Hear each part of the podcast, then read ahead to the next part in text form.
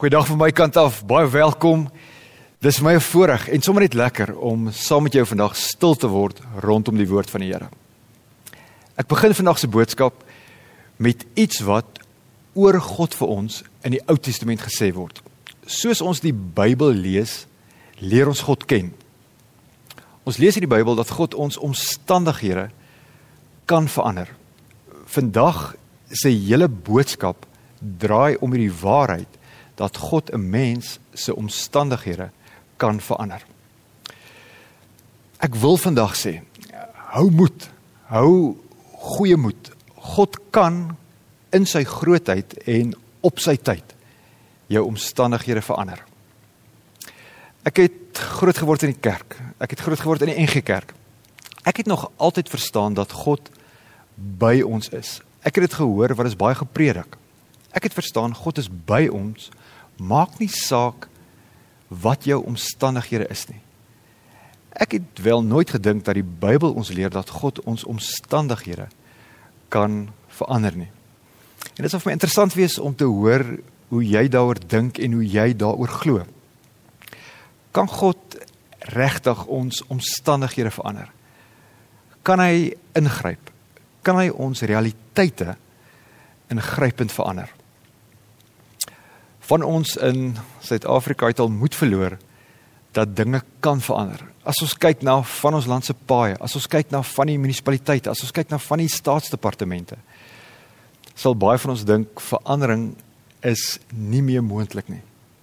Baie van ons lidmate, baie van ons vriende is in die buiteland en dit gaan dalk beter met die land, maar as ons die sekularisme raak sien, as ons kyk na die goddeloosheid, as ons kyk na die verdeeldheid wat daar is tussen mense, wonder ons soms kan God ons wêreld verander? Kan hy ons omstandighede verander?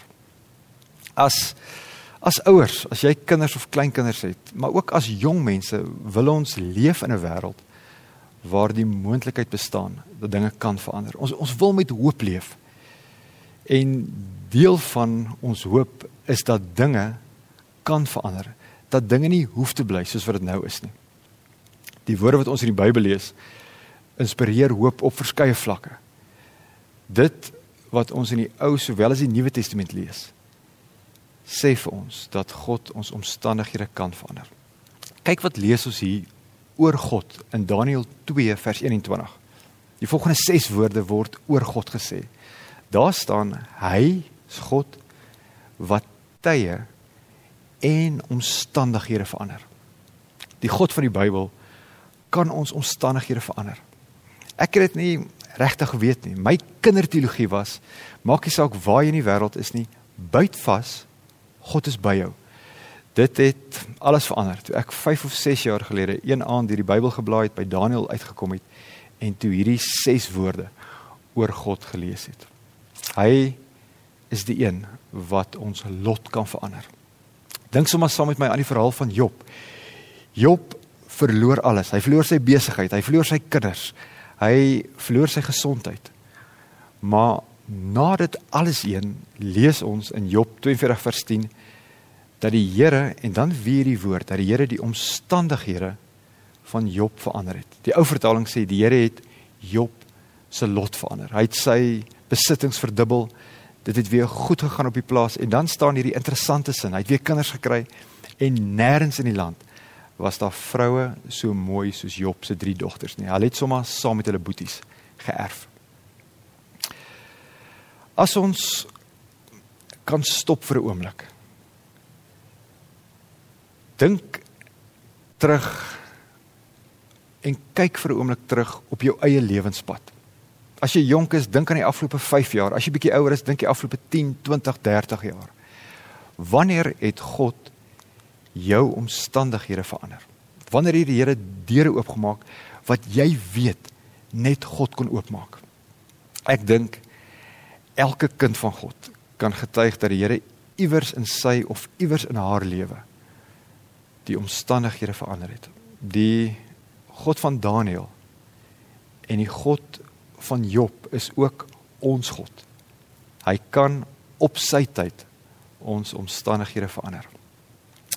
Ek en my vrou het ruk gelede die fliek Two Popes gekyk. Dis 'n fliek wat handel oor die huidige paus, Paus Fransis en die vorige paus, Josef Ratzinger.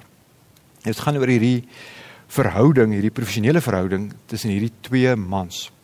Josef Ratzinger, die vorige paus, was 'n baie konservatiewe mens, konservatiewe teoloog, maar hy het ook 'n statiese teologie gehad. Hy het nie gedink God verander of God kan verander nie. En hierdie twee mans is voortdurend in debat. Op 'n stadium gaan die gesprek oor die persoon van God. En dan sê Paus Fransis dat niks in die heelal staties is nie. Niks is so vasgegiet, niks is so vasgeswys dat dit nie kan verander nie. Sy argument is is dat God beweeg en dan sê hy dink aan die geboorte van Jesus Christus. Hier sien ons God in beweging, God wat na die aarde toe kom, God wat deel wil wees en deel wil word van die wêreld. Die God wat ons omstandighede kan verander, is ook die God wat onder ons wil leef. Hy's die een wat by ons en met ons wil wees. Ons is in Januarie. Dis die begin van die nuwe jaar.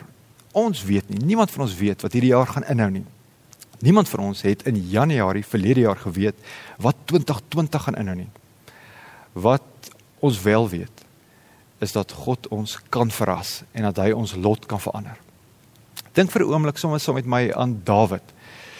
Dawid is die jongste seun van die bekende man Isaai. Isaai het 'n klomp seuns gehad. En op 'n dag kom die profeet Samuel daaraan en hy wil 'n nuwe koning salf. Een vir een stap Dawid se ouer boeties by hom verby. Maar die gees van die Here lei Samuel nie om een van hulle te salf nie. En dan laat roep hulle vir Dawid. Dawid is onbewus van dit wat by die huis gebeur. En dan gebeur dit dat hy tot koning gesal word. Hy word die grootste koning in die geskiedenis van Israel. Maar as ons net gaan dink wat het met Dawid gebeur? Hy het geen idee aan die begin van daardie jaar gehad wat met hom gaan gebeur nie. Die God wat hy gedoen het, die God van Abraham en die God van Isak en die God van Jakob het ook gekom en Dawid se omstandighede verander. Al het hy nie geweet dat dit God is wat agter die skerms aan die werk was nie. Nou die dag het ons Kersfees gevier. Maria was hierdie jong nederige meisie wat naby aan God geleef het. Op 'n dag uit die niet verskyn 'n engel van God, 'n boodskapper van God aan haar en hy kondig aan dat sy swanger is en 'n seun in die wêreld gaan bring. Sy hoor dat sy gekies is om God as ware in hierdie wêreld in te bring. Sy hoor aan hierdie seun, aan haar seentjie sal die troon van koning Dawid gegee word. En dan is haar eerlike natuurlike menslike reaksie, maar hoe kan dit wees? Hoe hoe werk hierdie? Ek verstaan nie.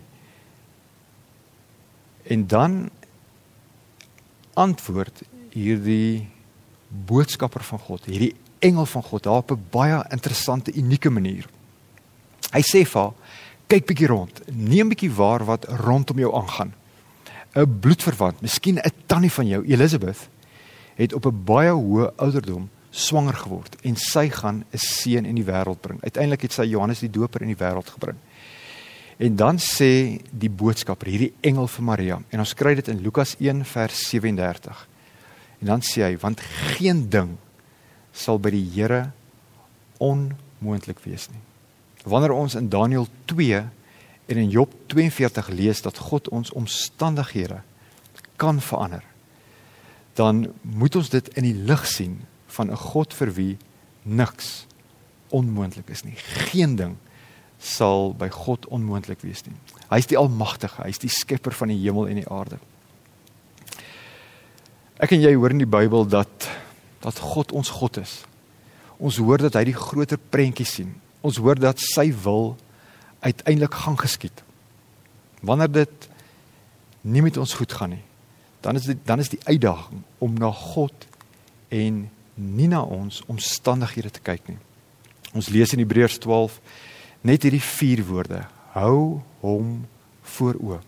As dit moeilik gaan, moet ons ons oë vestig op Jesus wat die Christus is.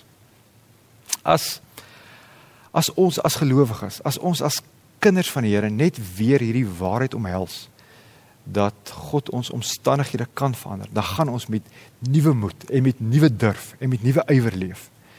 Die God tot wie ons bid, het Job se lot verander. Hy kan ook ons lot verander. Sou hy wou, kan hy ook die omstandighede in Suid-Afrika verander. Dit maak dat ons weer met hoop kan leef. Dit maak dat ons 2021 met hoop kan ingaan. Wat my hoop gee vir 2021 is die vaste wete dat God ons ook in hierdie nuwe jaar sal ontmoet.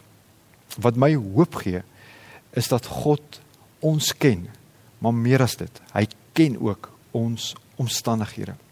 Wat my hoop gee is dat die onmoontlike vir God moontlik is. Wat my hoop gee vir 2021 is die wete dat God alles ten goeie laat meewerk vir die wat hom liefhet. Ek wil vir ons afsluit met 'n aanhaling van die bekende teoloog Ferdinand Daist. Hy gesels oor die Christelike geloof en dan sê hy Christelike hoop is hoop op goddelike kreatiwiteit. Dis die hoop dat hy iets sinvols uit die sinloosheid sal laat groei. Dis die hoop dat daar onverwags iets onvergankliks uit die verganklikheid gebore sal word. Dis 'n hoop op iets wat net God kan doen, naamlik om orde uit chaos te skep. Mag jy 'n goeie, mag jy 'n geseënde 2021 hê die God van Dawid, die God van Job, die God van die Ou en die Nuwe Testament gaan ons vooruit. Amen. Kom ons sit so en kom ons roep die naam van die Here aan. Hemelse Vader, ons kom met ons hele wese na U. Ons weet Here dat ons beperkte mense is. Ons weet ons is broos en nietig en ons weet Here en ons beleef dit dat ons feilbaar is. Here, ons het U nodig in alles. Ons het U in alles nodig. Here, ek wil bid dat U U Gees aan ons sal skenk. Here, kom leef in ons, kom werk in ons sodat ons in U hoop kan groei. Here ons hou daaraan vas dat U in 2021 ons ook kan en ons ook wil ontmoet. Here ons hou daaraan vas dat U ons ons land, ons wêreld, Here ons kerk, maar ook ons omstandighede kan verander. Here soos wat U ons omstandighede verander, mag U naam geheilig word en mag ons U deur dit alles verheerlik. Amen.